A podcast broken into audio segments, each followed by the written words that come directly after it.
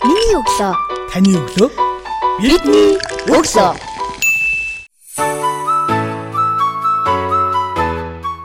Сонсогч танд энэ өдрийн мэндийг хүргэе. Миний өглөө подкастын энэ удаагийн дугаарт Англи улсын нийслэл Лондон хотноо амьдардаг. За Лондон хотын төвд орших Лондон South банк их сургуульд менежментийн ахлах багш болон бакалаврын хөтөлбөрийн эрхлэгчээр ажилладаг Саран Заяа оролцож байна.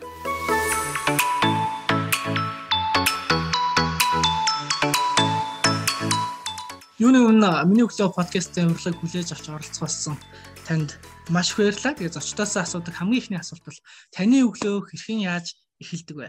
Өглөө энэ жилийн ер нь ерөнхийдөө бол өглөө нэлээд их тусдаг. А яагаад тэгэхээр нөгөө би Лондоноос гадагшаа амьдардаг. Тэгээд ажилдаа явахын тулд мэдээч нэлээд их цаг зарцуулдаг учраас өглөө угаасаа их тусдаг. А харин энэ жилийн хувьд болохоор нөгөө локдаун гэдэг бүгдээрээ гэрээсээ ажиллаж байгаа. А тийм учраас маань миний өглөө арай жоохон оройтоод өглөө ер нь бол нэг 6:30 гээд өглөө бол ер нь 6 авчихсан доо 7 хоногийн 7 өдөр. Эхний нэг цагийг бол нэг өөртөө зарцуулахыг ер нь нэлээд боддог. Өглөө босоод хамгийн түрүүнд та юу хийдэг вэ? Хамгийн түрүүнд хийдэг дадал зуршлаас зүйл танд байдаг уу? Хамгийн эхний хийдэг зүйл бол нэлээд босуудаг. Тэг барыг нэг 2 3 скан босуудаг. Тэгэл тэрнээсээ залгуулад яг усуусныхаа дараа аа нэг 20 25 минутын йог хийдэг юм байна. Тэр бол яг ингээд зуршил болсон. Өдрийн ажлаа хэрхэн яаж төлөвлөдөг вэ та? Өдрийн ажил өдрийн ажил нэлээд миний өдрийн ажил яг нэг хоёр хуваалттай явдаг юм байна. Нэг хэсэг нь бол яг нэг хичээлтэй үеэр а үеэр бол угаасаа тодорхой хичээл нөгөө нэг хичээл заах хуваарийн дагуу заадаг явна. А бусад хичээл байхгүй тохиолдолд бол нэлээд нөгөө судалгааныхаа тал дээр суудаг учраас яг тийм ер нь яг жилийн хувьд бол нэг нэг хэсэг хичээлтэй үеийн төлөвлөлт хичээлгүй үеийн төлөвлөлт гэсэн хоёр шугамар л явагддаг да. Аа тэгээд яг хичээл ажлынхаа төлөвлөгөөний хувьд бол яг өмнөх өдөр нь би хийх ёстой ажлынхаа жагсаалтуудыг унтахаас өмнө гаргачаад унтдаг. А тэр нь өглөө босоод л хийдэг бол биш яг нэг унтахаа өмнө тийм А тэгээ би янз бүрийн тийм юу компьютер дээр ч юм уу бичдэггүй зүгээр л өөрийнхөө цаас харандаа бал байрал тэгээд угаасаа бичдэг дэвтэртэй тэгээд тэрэн дээр бичиж төлөвлөдөг. Аа. Яг одоо ямар ажил дээр төвлөрч ажиллаж байгаа вэ? За одоо яг миний төвлөрч байгаа ажил бол менежментийн судалгаа хийх гэж байна. А энэ ямар учиртай судалгаа вэ гэхээр дэлхийн менежментийн эрдэмтдүүдийн томьёолсон 20 гаруй жилийн томьёолсон тийм судалгаа байгаа л да. Тэрэн дээр бол тэр судалгаа нь одоогийн байдлаар 150 гаруй орны 75 мянга гаруй менежерүүд, албан хаагчид хамрагдсан ийм том судалгааны төсөл байгаа.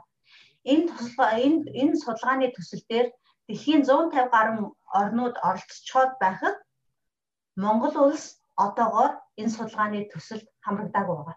Яагаад хамрагдаагүй вэ гэхээр нэгдүгээр мэдээж хэлний бэрхшээл байгаа. Мэдээж тэр барууныхан бол монголоор ярихгүй. А хоёрдугаарт нь яг ингээд энэ чиглэлээр судалгаа хийсэн, бүтээлээ хэвлүүлсэн тиймэрхүү судлаач, менежментийн чиглэлийн судлаачид тэд нэр одоохондоо юу гэдгийг тэд нарыг олоход арай хомс байгаа ч гэх юм уу. Тэр учраас тэр бол бас үнсэн хоёр тусалгаа нь. Тэгээд энэ судалгаанд анх удаа Монгол улс энэ 150 гаруй дэлхийн улсуудад зэрэгцээд энэ судалгаанд хамрагдах гэж байгаа. Тэгээд энэ судалгаан дээр би одоо одоогоор бол яг төвлөрөөд сууж байна да. Тасаа менежмент удирдлага гэж ярьлаа. Тэгэхээр тухайн багийг бүрдүүлэхийн тулд хувь хүн бүрийн ур чадвар мэдлэг боловсрол чухал. Тэгэхээр таны зүгээс хувинд байх ёстой хамгийн чухал гурван чадварыг нэрлэж чиг бол ямар гурван чадварыг нэрлэх вэ? Яагаад эдгээр гурван чадварыг бас сонгож байгаа вэ? За их сайхан асуулт байна. Хүний ойлгох чадвар өөрийн тэгээд ажиллаа хий гэсэн тийм чин хүсэл эрмэлзэл. А тэгээд гурав дахь нь бол critical thinking буюу харьцуулан дүгнэлт гаргах чадвар. Энэ гурав бол маш одоо хувь хүний гурван үндсэн чадвар гэж би гэж хэлнэ. А тэгээд яагаад ийм ийм байх хэрэгтэй вэ гэдэг вэхээр энэ гурван чадвар бол угаасаа хувь хүний өөрийнх нь хүн чанартай, хүмүүсийг ойлгох сэтгэлтэй, мөн юм ингээд харьцуулан дүгнэх дүгнэлт гаргах нэг нэг нэг хүн нэг юм уншаад ч юм уу эсвэл нэг хүн хэлэнгүүд л өө тэгдгийн гинлээ биш заавал тэгэж харьцуулан дүгнжээж хүмүүсийн мэдээллийн хооронд нь харьцуулж ээж а тийм эцсийн дүгнэлтээ гаргах энэ гурван чадвар бол хамгийн чухал гурван чадвар. Аливаа зүйлийг харьцуулан дүгнэхдээ харьцуулж байгаа тэр өгөгдөл нь жинлэх юм бол яг тэнцвэрийн хувьд нэг төвшөнд байж чинь чи харьцуулан нөгнөх процесс нь яг 100% бодтой болж ирэх байх л та. Тэрнээс өчигдөр чинь Япон Монголын хөл өмг хоорондоо дэлхийн уралсан чинь тоглосон чинь 14 0 дурсан чинь манайх ингээл онгоо боллоо инээтэрэста нэрэ бла бла гэл бүхэлдэн дэлхийн ранкын 27-д бичигдэж байгаа Азийн номер 1 багтай үзэж байхад ранкаараа 190-д бичигдэж. Одоо Япон Монгол хоёр ингээд жишээ нь харьцуулан дүгнэх юм бол харьцуулан дүгнэх боломжгүй шүү дээ. Жингийн тугаатай тавьж угаасаа хавь илүү өстэй. Тий, тий, тий. Тий. Тэр өөрөх нөгөө нэг бүр нөгөө хошин шиг зэндаага мэддэг шиг. Тэгээд өөрсдийнхөө тэр одоо яг ингээд тухайн яг үзүүлэлтээ дээрээ тэгээд дүнсэн тохиолдол дээр чинь амжилт гаргаж яах гэж үсгээс ш а гинт юм харт хоёр харьцуулшгүй юм байна. А жишээ нь дөнгөж те юуны Америкийн ч гэдэг юм уу Английн үндэсний нийт бүтээгдэхүүн нь нэг хүний авах цалин тэд ч гэдэг юм уу ингэчээ. Тэгэнгүүтээ Монголд бид нар одоо юу хийгээд байгаа юм бэ? Нэтэр гэсэн яг тэрэндээ л адилхан шүү дээ тийм тийм тийм тэр бол яг үнэн харьцуулан дүгнэх гэдэг тэр тэр бол яг тэр орон л доо. Харьцуулан дүгнэх гэдэг маань зөвхөн хоёр мэдээллийг ч биш хоёроос дээш мэдээллийг за бүр харьцуулан дүгнэлтийн хамгийн энгийн жишээ ч гэдэг юм уу? Эсвэл хүмүүст ойр байж болох нь Тэ бараг л манай монголчууд бол ихэнх нь үндсэндээ будын шашинтай улс гэж явдаг. Аа тэгээд буддын шашны хамгийн бас нэг үндсэн онол нь болохоор хинч бүйдэг гэсэн тий багшд ч гэсэн итгэх хэрэг байхгүй. Бурхан буддаа хүртэл надад ч гэсэн битгий идэг. А тэр нь юу гэсэн үг юм бэ гэхээр өөрөө өөртөө тэгээд ингээд юмыг ингээд харьцуулж дүн заавал шалгаж үз а гэсэн тийм сэтгэлгээ явдаг шүү дээ. Тэгэхээр юм болгоныг нэг юм нэг юм үзээд ч юм уу уншаад ч юм уу шууд тэрийг сонсонгуудаа хушуугаар дагаад байх бол тэр бол ерөөсөө тийм юм хэлбэлцсэн хизээж тэрнээс тийм харцсан харьцуулсан дүгнсэн сэтгэлгээ бол гарахгүй те тэр бол үнэхээр яг үхээр туйлшрал гаргадаг үнэ тэрнээс шүүр дүгнэлт гэсэн гол юм гаргаж ирэхгүй. Та 2017 онд соёл болон институцийн өөрчлөлтийн нөлөөндөх Монголын орчин үеийн менежмент гэсэн сэдвээр докторийн зэргийг нийгэм ухааны сургалт судалгаагаар дэлхийн одоо ранкаараа 50 багтдаг Английн Essex-ийн их сургуульд хамгаалсан тий. Тэгээ яг энэ докторийн судалгааныхаа ажлынхаа талаар бас манай сонсогчдод мэдээлэл өгөөч. Сонирхолтой сэдв байна. Энд бол ер нь Английн докторийн хөтөлбөр 4 жил байдаг.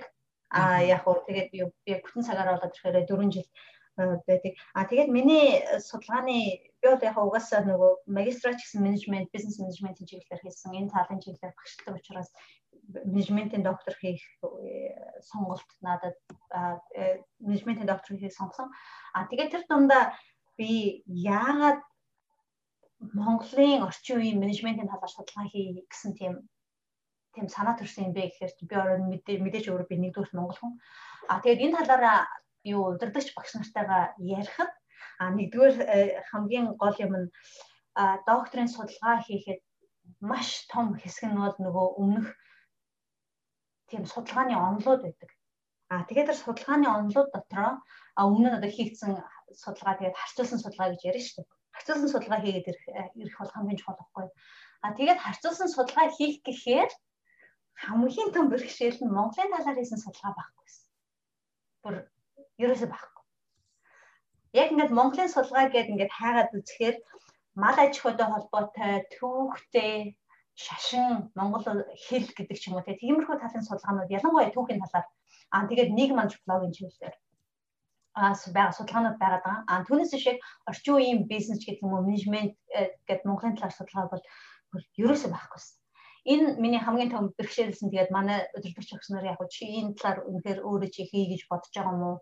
Нилээн нилээн л их сухал докторийн ажил болох юм дэ гэж хэлжсэн. Тэгээд би энэ талаар угаасаа хий гэж бодсон. Үнэхээр тийм тэн дээр судалгаа байхгүй байгаа юм чинь хийх ёстой. Аа тэгээд дээр нэмээд би ч өөрөө Монгол хүн учраас аа Монголын компаниудтай менежертэй би холбогдох боломжтой.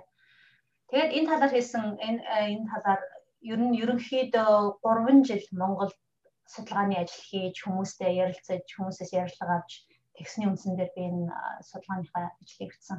А тэгээд энэ судалгааны ажлын бас нэг гол юм нь юу байсан гэхээр менежментийн шинжлэх ухаан гэдэг маань эсвэл менежментийн арга барил гэдэг маань миний түрүүний хэлсэнчлэн тухайн хүний тухайн улсын хамгийн түрүүнд түүх соёл а тэгээд өмнө нь байсан нийгэм болон одоо байгаа нийгэм тэгээ улс төр эдийн засаг бол бүх юм нөлөөлдөг байхгүй. Би түрүүн хэлсэн шүү дээ. Хүний менежментийн одоо хүн ажилуулах хүн удирдах арга дээр гэхэд хүмүүсийг хүмүүсийг удирдахын тулд нөгөө хүмүүс нь одоо зөвхөн зөвхөн багаар хамт ажиллахын тулд яаж ямар өчир зүй байгаа ямар дутагдал байгаа юм гэдгийг нь ойлгох ёстой.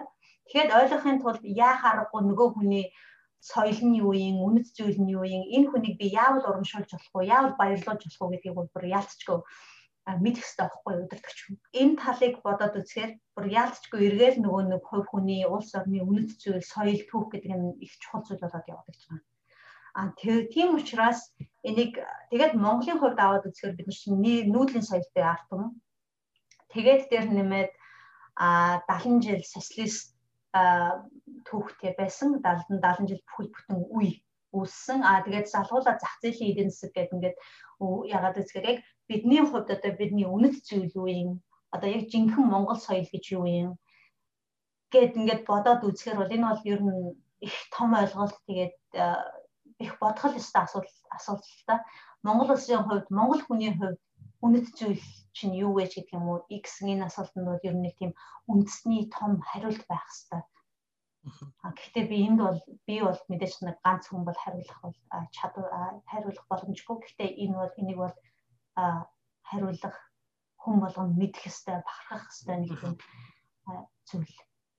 Та 2013 оноос хойш миний хэлснээр одоо сургуультай багшилж байгаа тий. Таны багшилж байгаа сургууль бол 1892 онд байгуулагдсан 125 гаруй жилийн түүхтэй. За нийт оюутнуудын тоо болон кампусаараа Лондонд эхний 5-т багтдаг том сургуулиудын нэг. За өнгөрсөн оны байдлаар бол нийт 17 мянга гаруй багш ажилчтай. За мөн 130 орны 18 мянга гаруй оюутан залуучууд ирж суралцж байгаа гэж байна. Тэгэхээр таны багшилж байгаа гийн хувьд одоо нэгд гадны сургуульд багшилж байгаа Монгол багшийн хувьд одоо манай Монгол оюутнуудын та Монгол оюутнууд багшилж ирсэн үү?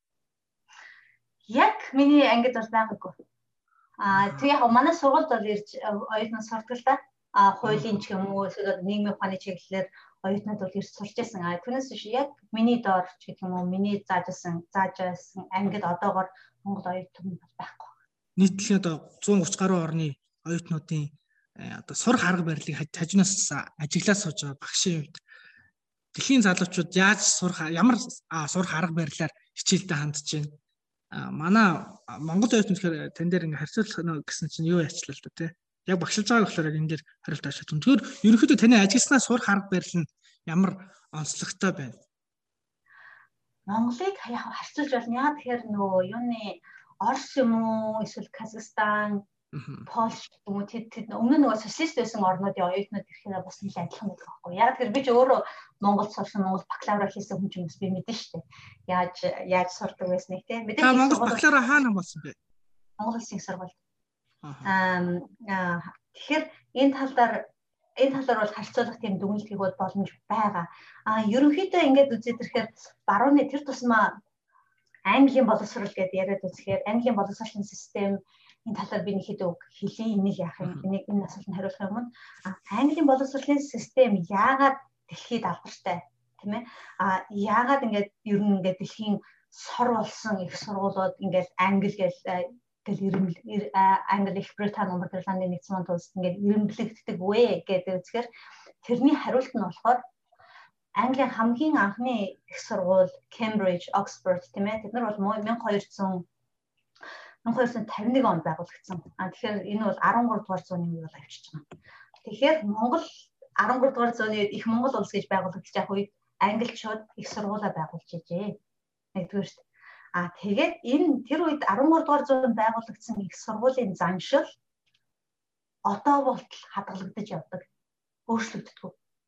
А тэгээд үүнээс гадна Англид хувийн их дээд сургууль гэсэн маш цөөхөн А ер нь бол угаасаа улсын яг миний мэдгээр бол одоо 3 хувийн их сургууль байна да. Тэгээд тэр 3 хувийн их сургууль нь Америкийн их сургуулиуд орж ирж байгаа гэсэн. Тэгэхээр Англид бол тэр э, боловсролын системийг яг анх одоо үүсчихсэн тэр үеэр нь а тэгээд тэр боловсролын системийн мөн чанарыг тэр чигээр нь хадгалагдаад явж байгаа. А тэгээд энэ тал дээр бол тэр дүрм, хууль, энэ стандарт энэ нь бол угаасаа маш өндөр түвшинд явагддаг.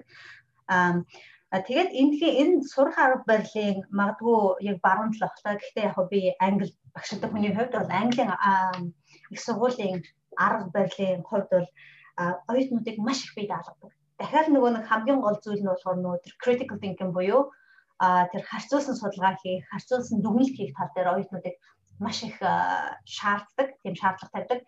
Тэгээд эренгүүтээ нөгөө нэг багшуул зөвхөн тэр юу гэдэг өдөр нэг тийм чиглүүлэгч маягийн ажил үүрэг гүйцэтгэдэг гэсэн үг. А тэгээд энэ тал дээр болоод ирэхээр нөгөө манай Монголоос ирсэн ч гэдэг юм уу эсвэл одоо бас бас бусад орны оюутнууд байна л да. А тэр нөгөө нэг аль нэлийн манайхан бол нөгөө шав төвтэй багш төвтэй гэж сургалт гэж ярьдаг шүү дээ. А тэгэхээр Монголд ингээд шав төвтэй ч юм уу тийм сургалттай байсан газар хүн багш төвтэй сургалттай байсан газар хүн багш нь дандаа ярьдаг одоо багш нь одоо чи ийм даалгавар хийх хэрэгтэй гэж хэлдэг те. Тэгэнгүүтээ Английн шав төвтэй, оюутан төвтэй сургалтын орчинд хүрээд ирэхээр барьцаалддаг байхгүй юу? Яагаад тэгэхээр гинт айгүй их нөгөө нэг цаг завтай тэгэнгүүтээ дээр нь нэмээд нэг их цаг завтай юм шиг тэгэнгүүтээ бас айгүй олон хичээл ном унших шаардлагатай маш олон эрдэм шинжилгээний өгүүлбэр унших шаардлагатай болоод ирдэг. Тэгэнгүүтээ нөгөөдөл чинь ингээд байхаас чөлөөтэй юм шиг явж явж байгаад хинч тэд нарыг ийм юм хийх хэрэгтэй гэж шаарддаггүй. Оюутнуудад маш их их цаг зав олгоод тэгэнгүүтээ одоо юу гэдэг нөгөө курсын ажилламж гэдэг нэг гэдэг юм уу тэр нь шууд хийгдэх ёстой цагдаа л тэгээд гинт одоо нөгөө хамгийн хажлынх нь дедлайн тулцсан байдаг цаг хугацаанд тулцсан байдаг. Тэгэхээр оюутнууд ер нь бол их самбартдаг гадны оюутнууд. Аа тэгээд үндсэн сурах арга барилын хувьд бол мэдээж нөгөө энэ нь бол оюутан шав төвтэй сургалттай аа тэгээд оюутнуудыг 7 хоног болгоомж гэдэг юм уу ер нь бол маш их юм бүү уншихыг их шаарддаг аа тэгээд гол арга нь аа харьцуулсан дүгнэлт хийх тийм чадварыг л их төлөвшүүлдэг гэж хэлж байна да. Одоо энэ ковидын үед сургуулиуд ихвчлэн онлайн сургалтын хэлбэрлэж шилжиж чинь танаа сургуулийн хувьд яаж ажиллаж байгаа вэ? Наад чи их сонирхолтой асуулт байна. А ер нь их бас их л та. А ковидын үеэр Английн барьж байгаа ер нь маш олон орнуудын а барууны орнуудын бас Английн барьж байгаа бодлого нь ерөөсөө боловсролыг зогсоож болохгүй гэсэн ийм үндсэн зарчим баримталж байгаа. Тэрэн дотор мэдээч одоо танхимаар танхимаар хичээллэх аргагүй болсон тохиолдолд онлайн ч гэдэг юм уу. Ер нь бол энийг ерөөсөө боловсролыг зохицуулж болохгүй гэсэн юм зарчим баримталж байгаа юм үндсэн дээр бид нар бол бүр ингээд хатуу хөл хорионы үед бол бид нар юу онлайнаар хичээл орж байгаа. А яг л нөгөө нэг танхимын бүх сургалтаараа тэгээд бүх боломжтой одоо яг мэдээч яг төрөл бүрийн софтверууд байна, технологийн дэвшлийг ашиглаад ер нь бол нэг их ялгагдахгүй болсон байна дөө. Аа тэгээд энэ талаар бол онлайн хичээл орж байгаа. Аа тэгээд хөл хорой арай судрагдаад өөрсөн нэг хэсэг суларсан. Одоо тэгээд эргээд суларч байна. Энэ тохиолдолд бол ер нь нэг оюутнуудаа заавал хичээлийн маягаар ч биш зүгээр одоо юу гэдэг хамтдаа цугларч гэдэг юм уу тиймэрхүү маягаар ямар ч байсан тэр нөгөө нэг би бинийг мэдэх таних холбоо нэлээд аль болох их баригчл оролцож байна л доо.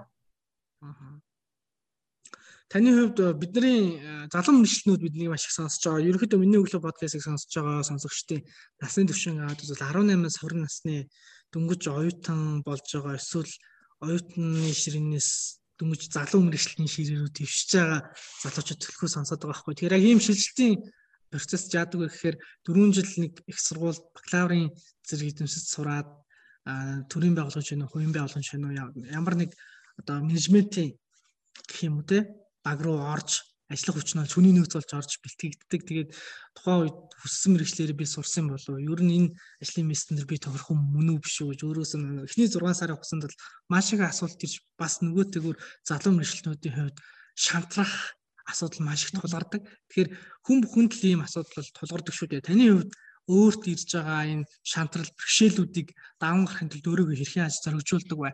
Бас өөрийгөө зоригжуулдаг сайн туршлагаасаа бусдаа хуваалцаж. За би хоёр юм хэлээд хөө. Яг чиний нөгөө хэлжсэн тэр нөгөө бакалавр төгсчөөд би одоо яг зөв мэрэгчлэрээ сурж байгаа юм болов уу үгүй юм болов уу гэсэн тийм нэг бодол төрдөг шантардаг ч гэх юм уу. Тэн дээр би нэг юм хэлэх гэсэн. Манай Монголд одоо арай гайгүй болж байгаа юм болов уу яаж юм бол гэхдээ маш чухал нэг зүйл бол яг уу англиас яг амаар бас нэг юм зүйлүүд байна л да. Тэгээ мэдээж авах хэрэггүй ч зүйлүүд байна. Аа тэгээд авах хэрэгтэй зүйлүүдийн дотор оюутнуудын дадлага хийлгэх. Угаасаа бүр шууд ингээд 2 дугаар курсээс нь ахуулаад ажлын дадлага хийлгдэг. А тэгэхээр нөгөөх нь академик чиглэлээр сурж байгаа, танхимаар сурж байгаа мэдлэгээ давхар баяжуулаад практик дээр ингээд дадлага хийгээд зэрэгцээд явдаг. А энэ дадлагыг яаж явуулдаг вэ гэхээр а мэдээж сургууль компаниудтай холбоо барина. Тэрнээс гадна төр засгийнхаа бүр юм бодлого байдаг. Одоо жишээ нь оюутнуудын дадлага хийж байгаа, дадлага хийлгэж байгаа компаниудыг юу гэдэг арай бага зэрэг татвар татварыг нь арай бага төлөвлөгч гэдэг юм уу эсвэл одоо нэмэгдэл урамшуулал олгох гэдэг юм уу энэ маягаар эдийн засгийн болон мөн юунуудын хэвлэл мэдээллийн маягаар ч юм уу те тэр байгууллагуудыг одоо урамшуулах ингээд их олон нийтэд зарлах ийм хөтөлбөрүүд бол бүр ингээд улс орныхоо хэмжээнд явагддаг. Энэ нь яадаг вэ гэхээр оюутнууд төгсөөд гарсан хойно биш сурч явах үедээ би үнэхээр энэ одоо мэрэгчлэр ажиллах юм байна. Э, би үнэхээр энэ мэрэгчлэлээр дуртай юм байна. Эсвэл би би би энүүгээр явж болохгүй юм байна. Би бол шал өөр юм сонирхдаг хүн байна гэдэг юм уу. Тэрийг мэдэх боломжтой. А энэ бол айгүй айгүй чухал асуудал. Тэгээд ингээсээ ийм хөтөлбөр гараасаа гэж бол би маш хүсэж байна. А энэ бол маш олон оюутан залуучуудад бол цааш цааш нь хэрэг хэрэг болно, ажлын туршлагад нь хэрэг болно. А за миний хувьд шантрах үе тохиолдох, шантрах үе тохиолдол уу яг уу би чинь дөнгөж бакалавра төгсөөд англи төрсөн хүн. Тэгээд аав ээжээс хоол. Тэгээд дээр нэмээд миний бас нэг юм би 10 жилд Орос герман хэлний судалтай сургууль сурч исэн. Англи хэл сураагүй. Аа тэгээд англид ирээд би ямар ч англи хэлгүй хүн ирсэн. Тэгэхээр ч н одоо тэгээд ямар байх нь тодорхой шүү дээ тийм ээ. Тэгээд би хэлний бэлтгэл дээр ирсэн хүн шүү дээ. Тэгээд дээр нэмээд мэдээж маш их өндөр өртөгтэй учраас ажил хийх хэрэгтэй. Ажлаа хий ажлаа хийж төлбөрөө төлн дээр нэмээд байр байрынхаа байр өөрийнхөө одоо хоолнд нэмэнгөө төлнө А тэгээд ажил англи хэлгүй хүн ямар ажил олдох нь бол бас тодорхой. А тэгээд миний хамгийн анхны ажлыг би хуваалцъя л да. Миний хамгийн анхны ажил Япон ресторанд би ажилладаг гэсэн. А тэгээд Япон ресторанд би а юуны техник хон зөксөд ногоон цай бэлддэг нөгөө Япон ресторан чинь хүн болгоно ногоон цай өнгөө өгдөг. А тэгээд нөгөө ногоон цайгаа хийсний дараа яг дараа нөгөө цайныхаа аягмуудыг угаадаг. Тийм ажил миний хамгийн анхны ажил. Тэгээд яг нөгөө зөөгч хийхээр миний хэл голөгдоод байна шүү тийм ээ. А тэгээд миний нөгөө нэг ажил нь болохоор өглөө 5 хагас тусаад тэгээд юуны ажил эхлэхээс өмнө очиж офис цэвэрлдэг байсан. Ажил энэ 9-с эхэлдэг. Тэгээд 9-с өмнө очиод би офис цэвэрлдэг байсан. Тэгээд юу офис цэвэрлжээд хичээлдээ яваад хичээлээсээ тараад Япон ресторанд очиод аягаа угаагаад оройны 7-оос 10 хүртэл аяа угаадаг. Тийм ажилтай байсан да. Тэгэхээр ч одоо тэгээд тэр хүнд чинь олон юм бодогдсон шүү дээ. Тэгээд ер нь нэмээд Тэгээд ер нь жоох хүүхэд байсныг хэлэхэд ингэж хойр гарцсан. Тэгээд тэр үед чинь гэрээ санан хэл мэдхгүй найз нөхөд гэж юм байхгүй. А энэ бол тэгээд ер нь тэгээд тэгээд ямар ажил хийж байгаа вүлээ энэ төр гэж би бодоход чинь тэгээд шантраг үе бэлгүй яах вэ? Тэгээд тэр үед би яадаг байсан бэ гэхээр ялангуяа тэр Япон ресторанд тэгээд тэр Япон ресторанд ажиллаад аяагуугаа зөксөж байхдаа бол миний байнга өөртөө хэлдэг байсан юм гэвэл би энд байх хүн биш. Энэ миний байх газар биш. Аа тэгээд энэ бол зөвхөн одоо тийм төр зургийн шатны зөксөөл гэж өөртөө байгуу хэлдэг байсан. Энэ бол ингээд зөвхөн төр зурих аа гэж л хэлдэг байсан. Тэгээд юм болгоныг арай нэг тийм те том зориг тавиад ч юм уу тухайд бол би мэдээж англи их сургуулийн багш болно гэж бодож байгаагүй. Юм уу англи хэлээрээ ярьж чадахгүй байгаа юм чинь ямар нэгэн их сургууль багшлах вэ? Тэгэж тийм тэр үед бол гэхдээ ямар ч байсан би бол энээс би хамаагүй дээр дээр байх хэвээр би энээс хамаагүй илүү чадвартай гэж өөр өөрийгөө л их зоригжуулдаг байсан да. Аа. Гэхдээ та одоо бол Английн топ сургуульд докторийн зэрэг хамгаалсан. Тэгээ топ сургуульд багшилж байгаа. Үнэхээр гайхалтай түүх байна.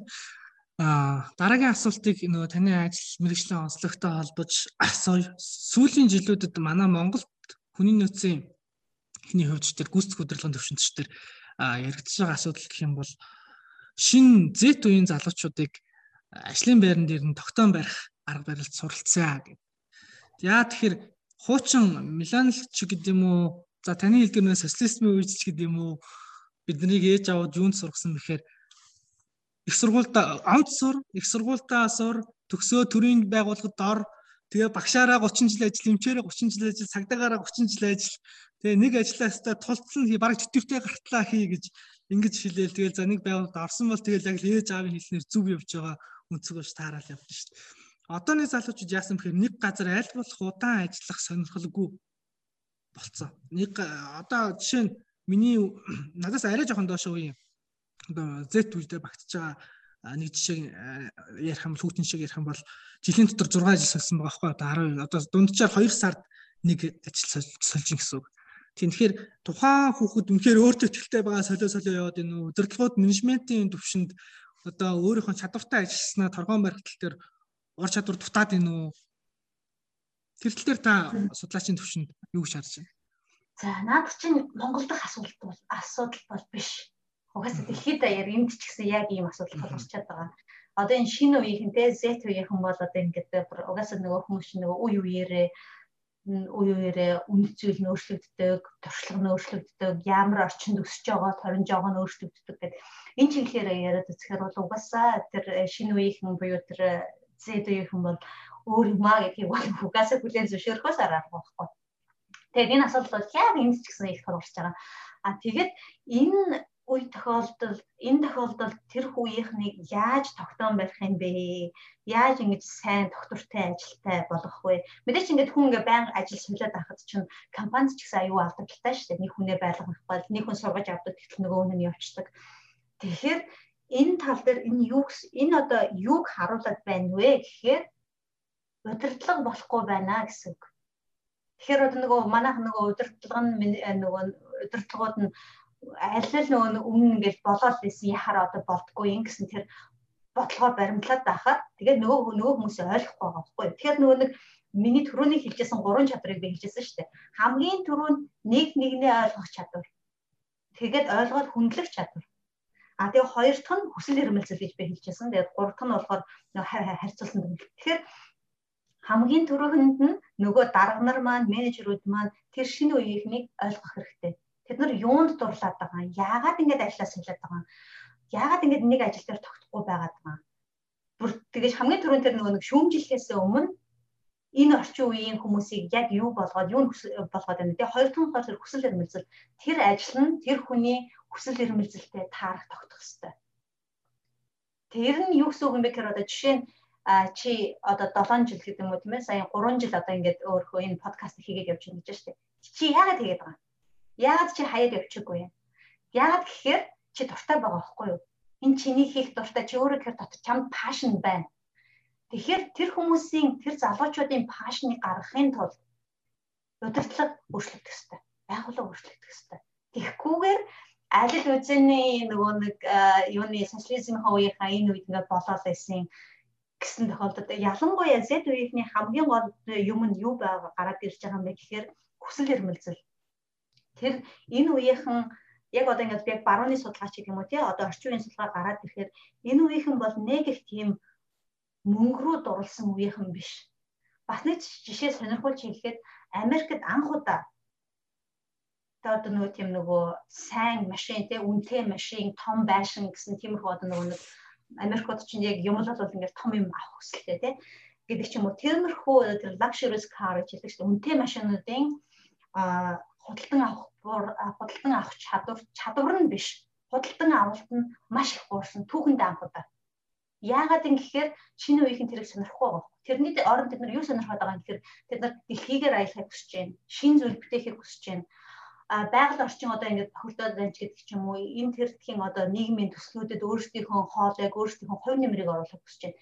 Эднэр тэд нарын хүсэж ирмэлцэж байгаа зүйл. Тэгэхээр тэд хүмүүсийг ямар хүсэл тэр ажлыг хүсэл эрмэлзэлтэй, пашнтай холбосон тохиолдолд тэгээд тэд нарыг ойлгосон тохиолдолд тэр үеийнхнийг ажил дээр тогтоомно ярина. Тэгэхээр бизнесийнхэн, байгууллагынхан дарга нар өөрсдөө өөрчлөгдөх Таны зүгээс жинхэнэ манлайлагч манлайллын ур чадвар гэдэг зүйлийг тодорхойлбол манлайлагч хүн яг юу хийх ёстой юм бэ? За, манлайлагч хүн бол ерөөсөө зүг чигийг тодорхойлогч байх ёстой. Одоо юун тэр нөгөө хүмүүс хамаг ажлаа өөрсдөө хийхтэй тэр манлайлагч хүний гол чадвар нь болвол а одоо энэ энэ байгуулагч гэдэг юм уу тийм ээ одоо миний ажиллаж байгаа төсөлч гэдэг юм уу 10 одоо 2 жилийн дараа 3 жилийн дараа 10 жилийн дараа ямар байх ёстой вэ гэдгийг тийм тодорхойлох чигээр үндсэн чигээр. А тэгэж тодорхойлсноороо бусад хүмүүстэй үлгэрдүүрэл болж байгаа тийм тийм хүнийг хэлж байгаа. Жишээ нь одоо ингээд бүр нэг ойлгон жишээ гэвэл одоо Стив Джобс байна. Apple-ийн тий. Тэгэхээр тэр Стив Джобсын энэ хүнийг visionary гэдэг.